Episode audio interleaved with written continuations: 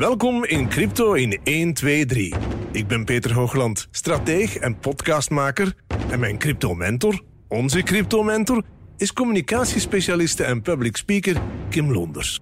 In deze aflevering NFT's. Wat zijn NFT's? Waar staan we vandaag met die NFT's? Zijn we de hype voorbij? En wat gaan NFT's dan in de toekomst nog betekenen? Wat heeft de Mona Lisa met een NFT te maken? Waar moet je op letten bij de aankoop van een NFT? Hoe of waar koop je trouwens een NFT? Wat betekent utility? Wat heeft de metaverse te maken met NFT's? Dat en nog veel meer. In deze nieuwe aflevering van Crypto in 1, 2, 3. Kim, laat ons beginnen met een herinnering. Herinner u dat we vorige keer ook gezegd hebben uh, wat een token is en wat een coin is? Hè? Mhm. Een token is iets wat gecreëerd wordt op een bestaande blockchain. Dus als jij nu hoort een non-fungible token, dan weet je dat dat een smart contract is dat op een blockchain wordt geschreven of opgenomen, en maar dus niet op een eigen eigen blockchain blockchain. heeft. Voilà. Ja. Hè. Mhm. Dus een non-fungible token, dat zal je ook zien, dat is iets dat wordt op de blockchain van bijvoorbeeld, en daar wordt eh, heel veel voor gebruikt, de blockchain van Ethereum. Maar ook ondertussen andere blockchains. Mhm. Polygon, eh, Solana eh, worden ook non-fungible tokens op eh, geschreven, geparkeerd, gezet. Ge, ja, Ethereum. Mhm. Dus Solana is een blockchain die gemaakt is voor... tokens. Voor tokens Voor, ik, ja. voor smart contracts. Voor smart contracts. En een non-fungible token, Token is, een smart contract. Dus Ethereum is een blockchain om smart contracts op te maken. Maar heeft dan het nadeel dat er vaak hoge gaskosten zijn. Mhm. Dat hebben we vorige keer ook gezegd. Hè. Herinner u, de munt van Ethereum is de Ether. Maar als jij een smart contract gaat schrijven en je wil dat ook in werking laten gaan, de werking daarvan die vraagt energie. Mhm. En de energie die daarvoor nodig is, wordt uitgedrukt in gas. En afhankelijk van hoeveel gas er nodig is, moet er betaald worden met Ether. Dus dat is toch altijd iets waar je moet op letten. Ja. Want dat kan je anders aardig verrassen, Ja, denk zeker, ik dan bij zeker mezelf. binnen NFT's. Ja, ja, ja, ja, absoluut. Ik heb het even aangehaald, hoor, omdat je vroeg van, er zijn ook andere blockchains waar NFT's en Mhm. smart contracts op gemaakt worden. En de reden daarom is dat men vaak tegen die hoge gaskosten Mhm. aanloopt op de blockchain van Ethereum. En daarom is bijvoorbeeld Solana Mhm. een derde generatie, waar die kosten een pak lager zijn.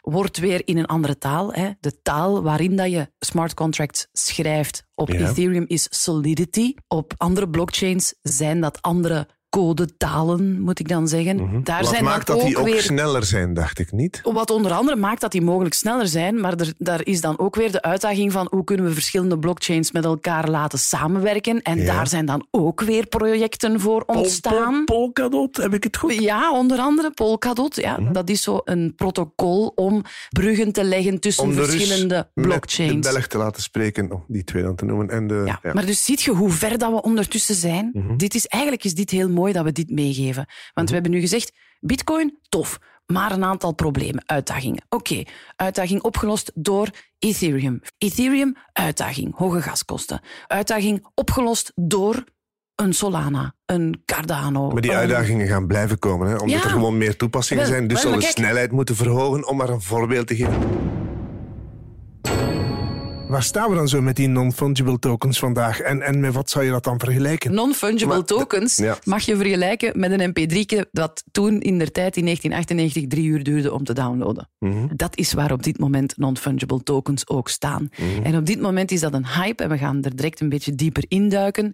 Die hype die is ondertussen gaan, gaan liggen, ik nog niet helemaal, maar die gaat ondertussen gaan liggen. Hè. Die is in het proces van te gaan liggen. Ik kan toch wel zeggen dat het iets aan de hand is als je kijkt naar de tweet van Jack Dorsey, die van Ja. een gigantisch bedrag naar hoeveel nog? Wacht, ik heb 230 het- wacht, euro wacht, was vandaag? Ik heb het speciaal opgezocht. Wacht. Ja? Dus vorig jaar, april moet het geweest zijn, Mhm. is die allereerste tweet van Jack Dorsey, hè, de Ja. founder van Twitter. Twitter. Daar is een NFT van gemaakt. Dus een non-fungible token, Mhm. een niet inwisselbare token. Met andere woorden, een digitaal eigendomscertificaat. Dus Mhm. degene persoon die die gekocht heeft, die werd virtueel eigenaar van die tweet. En die betaalde daar toen 2,9 miljoen dollar voor. Nu, die wil daarvan af.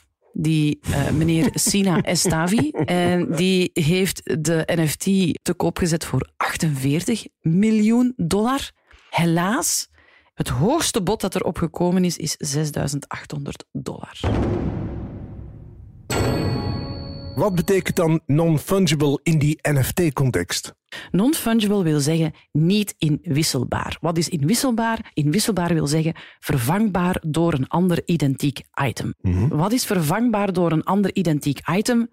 Een euro kan je vervangen door een euro. Een euro en een euro is exact hetzelfde waard. Ik kan jou een euro geven en jij kan mij een euro teruggeven. En we hebben een eerlijke ruil gedaan. Een bitcoin voor een bitcoin, dat is ook een eerlijke ruil. Ja? De waarde, en nu hebben we het over het concept, het begrip waarde, maar de waarde ligt vast en die blijft gelijk. Dus dat is inwisselbaar. Een voorbeeld van een NFT, en ik zal een heel bekende nemen, een NFT van een Board Ape Yacht Club, hè? heel Ja. bekend, dat zijn die, die zo, Ja. die gaan voor gigantisch veel geld. Ik ga straks ook zeggen waarom dat zo is. Wel, dat is een reeks van 10.000 apen. Er zijn zo 10.000 verschillende apen, maar elke aap is uniek. Die kan je niet inwisselen voor een andere. Net als de Mona Lisa niet inwisselbaar is voor een andere Mona Lisa of een ander schilderij. De Mona Lisa heeft zijn waarde. Waarom? Ja, de waarde die eraan gegeven wordt. Hè. Daar komen we dan, hè. Ja, maar ja, de Mona Lisa, dat is een fysiek iets dat hangt ergens tegen een muur. Dat kan je voor je neus zien. En er is er maar één van en dat is te herkennen dat dat er maar één echte is. Dan hebben we het dus effectief over dat begrip waarde. Wat bepaalt de waarde van de Mona Lisa? Ja. Wat bepaalt de waarde van een NFT? Wat bepaalt de waarde van de Mona Lisa? Ten eerste de kwaliteit van het werk. De fijne penseelstreken, de kwaliteit van de verf zelf, van het doek zelf, de kwaliteit van het kunnen van de kunstenaar om, om effectief zo goed een portret te kunnen schilderen, de schaduwen die erin liggen, de geheimzinnige glimlach van de Mona Lisa, hè, die dan ook weer zorgt voor een heel verhaal rond dat schilderij, want ook dat bepaalt medewaarde. Ja. Wie was die Mona Lisa? Wat is het verhaal er rond? Welk stukje geschiedenis vertelt dat schilderij? Het verhaal rond de kunstenaar. Wie was die kunstenaar? Welke andere werken heeft die kunstenaar afgeleverd? Maar dan ook de geschiedenis van het werk zelf. Wie heeft dat doek ooit gekocht? Waar heeft dat doek ooit gehangen? Door wiens handen is dat gegaan? Ja, en dat wordt natuurlijk vastgelegd in certificaten. Hè? Want Ja. als je een kunstwerk koopt, dan krijg je daar een certificaat bij waar dat heel duidelijk op staat. Van die tot die periode is die persoon de eigenaar geweest. Dan is het voor zoveel verkocht naar die persoon. Dan is het... En meestal zijn dat wel luisterrijke figuren die natuurlijk zorgen dat die waarde ook weer de lucht ingaat. Hè? Ik geef dat ook heel vaak als voorbeeld. Een naam met een stamboom, de perceptie die wij daarvan hebben, Is hoger. ja, dus wat is het verhaal? Dat is wat dat dan maakt. Hè. Er zijn ook kopieën van de Mona Lisa. Hè. Als ik naar het Louvre ga en ik ga daar in de museumshop, dan kan ik een poster kopen van de Mona Lisa. Heeft dat dezelfde waarde? Begot niet, hè? Nee. Twee posters die ik in de winkel van het Louvre koop aan 10 euro, ja, die kunnen we perfect tegen elkaar wisselen. Want we weten dat komt uit de winkel van het Louvre en we hebben er al twee 10 euro voor betaald. Dit is iets waar dat je naar moet kijken als je een non-fungible token wil kopen. Kijk in eerste instantie van, is dat kwalitatief? Is dat... Dat smaken. Ja, ja, dat is smaak, maar... Deels smaak, deels inzicht natuurlijk. Of Ja, ja, kennis. maar dat is de kwaliteit van de grafische designer. Hè? Want we spreken dan echt van een, van een digitaal kunstwerk. Mhm. Hoe fijn is dat? Wat, is dat iets bewegend? Hoe gedetailleerd is het? Ja, tuurlijk. Hè, ik bedoel, je hebt van die fantastisch mooie beelden waarvan je zegt van wauw, dit is echt knap gemaakt. Die man is geschoold, die weet wat hem doet. Dat is echt Maar dat, dat geldt- zijn principes die eigenlijk ook gelden voor zoiets als de Mona Lisa en andere Ah kunstwerken. Ja, voilà, tuurlijk. Maar dit is één aspect waar dat je naar kijkt als je een NFT wil kopen. Want dit is voor een stuk wat mee de waarde van een NFT zal bepalen. Tegenwoordig, iedereen kan NFT's maken. Hè? En je ziet soms echt de dingen dat je denkt van... met, Ja, met kijk, van iets voetbalfragmenten van Club Brugge worden NFT's gemaakt. Ja, van alles wordt tegenwoordig een NFT gemaakt. Maar er zijn een aantal dingen die meespelen in een NFT. Tipje van de sluier. Utility. Wat is het gebruik? Welke voordelen komen erbij? Wat kan ik er allemaal mee doen? Wat krijg ik erbij bij die NFT? Dat wordt meer en meer belangrijk. En dat is een tijdje niet zo geweest. Het is een hype geweest. Iedereen kon beelden maken. Iedereen dacht NFT's kopen en dan terugverkopen en winst oppakken. Dat is misschien heel even zo geweest. Er zullen er ook heel veel hun vingers aan verbrand hebben. Maar dat gaat eruit. Want er moet wel degelijk een waarde zijn.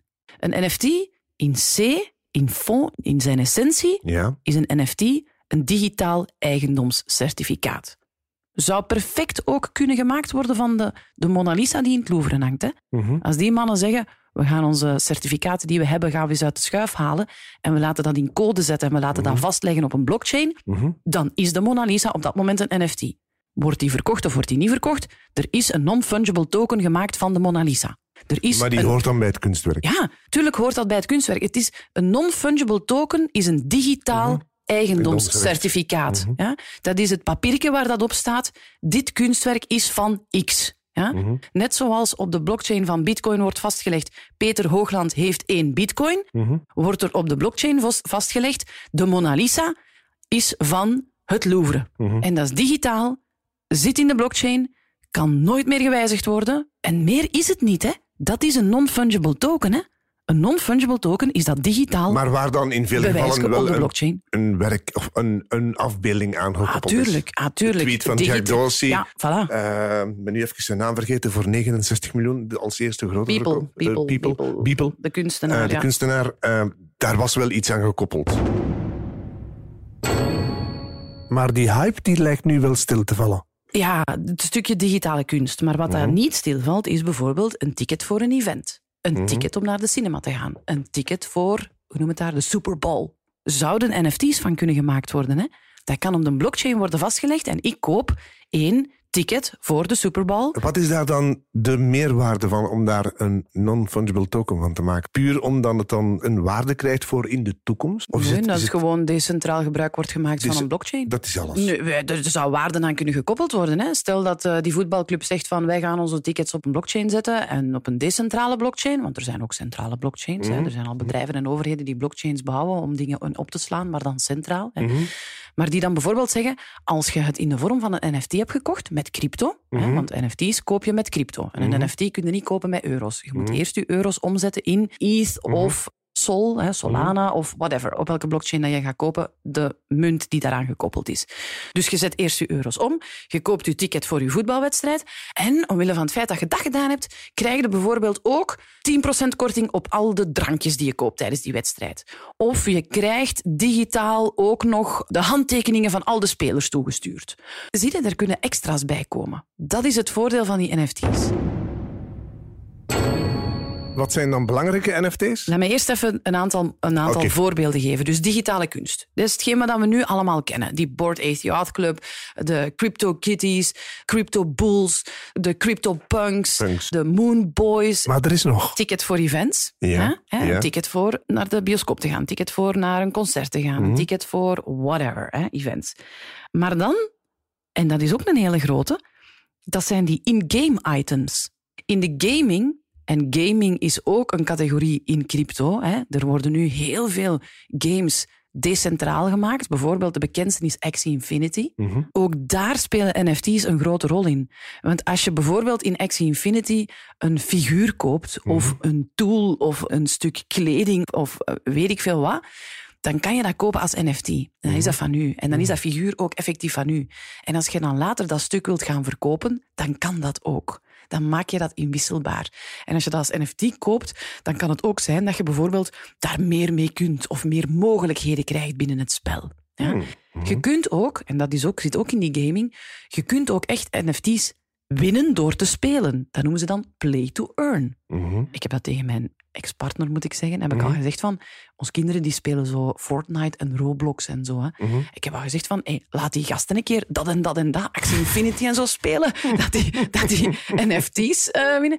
Maar natuurlijk, dan moet je eerst weer een portefeuille aanmaken, een wallet aanmaken. Die moet je dan koppelen aan dat spel. Dus het is niet zo eenvoudig als mama, we gaan een beetje Roblox of we gaan een beetje Fortnite spelen. Hè. Het is net iets meer. Maar je kunt er wel dingen mee verdienen. Dus in-game is ook een hele belangrijke voor NFT's.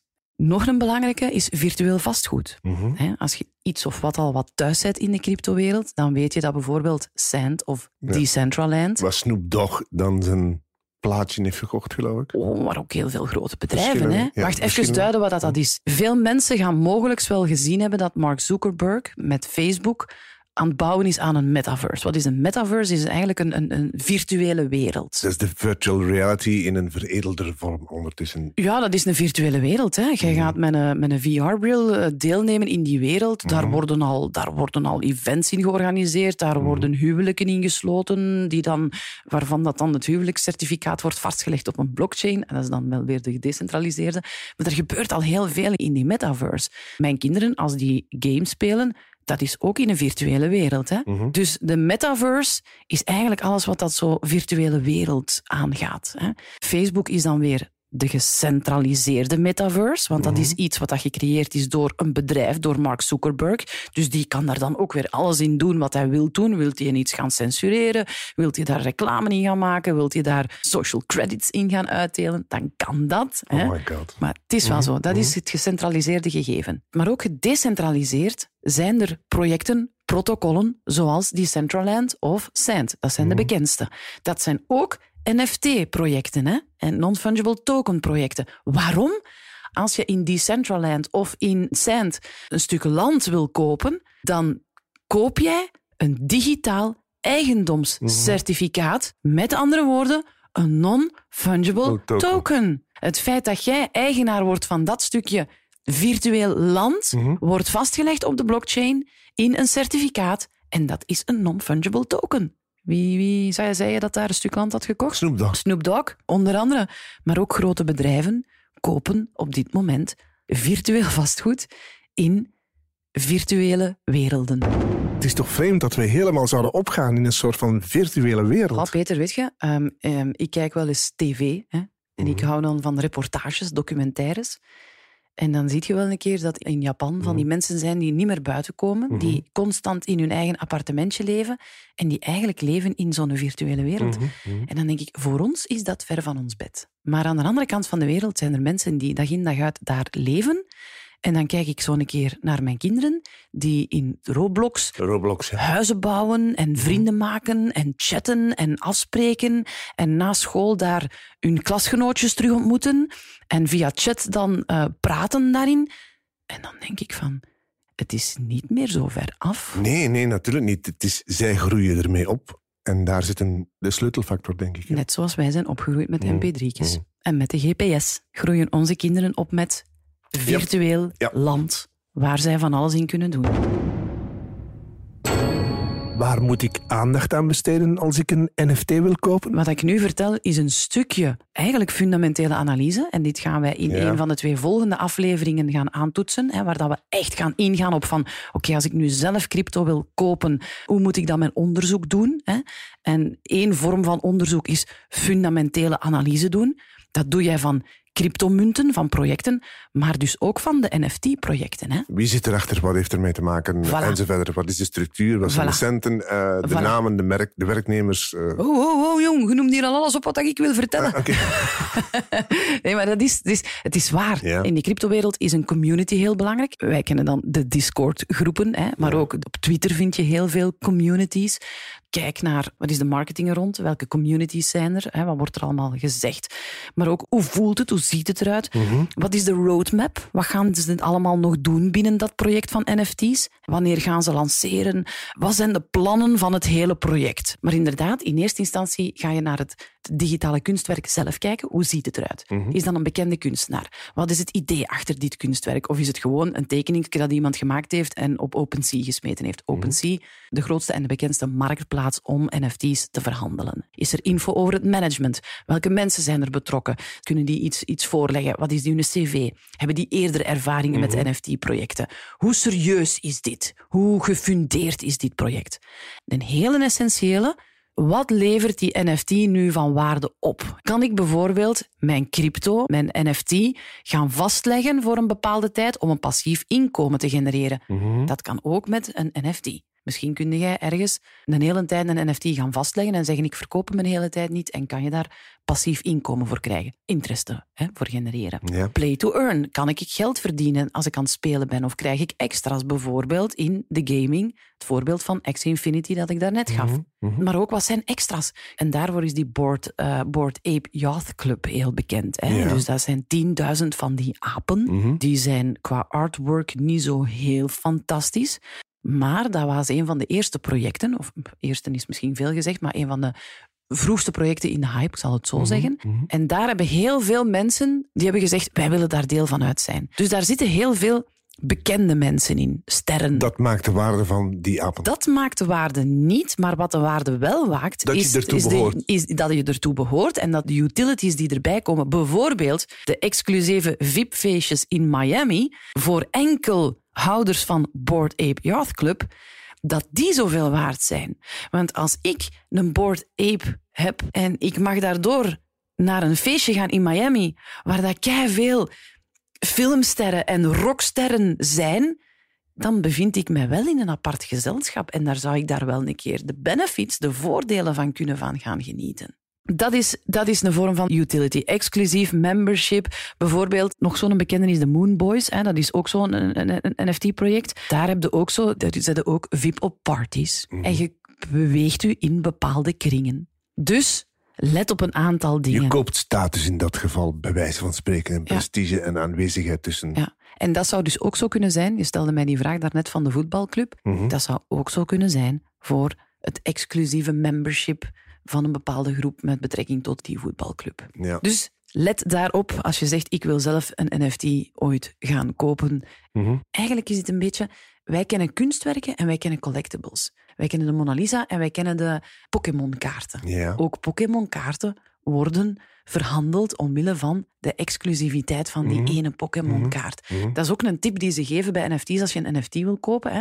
Bijvoorbeeld uh, de Crypto Bulls, daar zijn er x aantal van. Laat ons zeggen, vaak is 10.000, ik weet nu niet exact, maar laat ons zeggen 10.000. Ga kijken naar hoe ziet die een bol eruit? Heeft hij iets heel exclusiefs? Heeft hij een, een exclusief paar ogen? Heeft hij een exclusief paar horens? Uh, weet ik veel wat, maar naar iets exclusief. Dat mhm. maakt uw kunstwerk dan weer speciaal.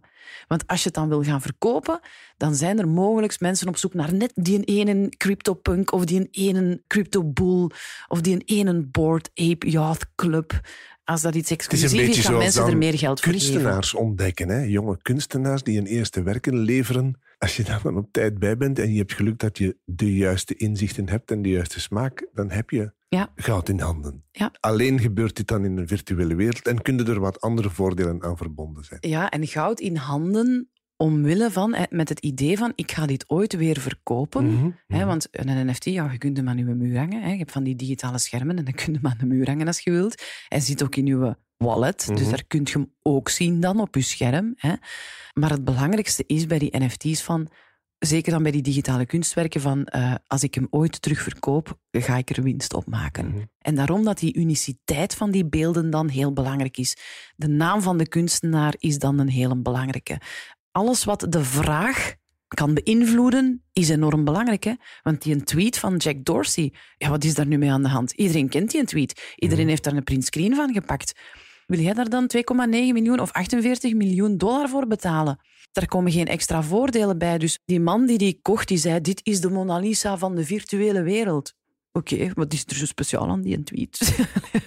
wat is er zo speciaal aan? Want, want, ook smileys zijn bijvoorbeeld verkocht als NFT. Hè? Mhm. Dus wat is daar zo speciaal aan? Tot zover deze crypto in 1, 2, 3 en het eerste deel over NFT's.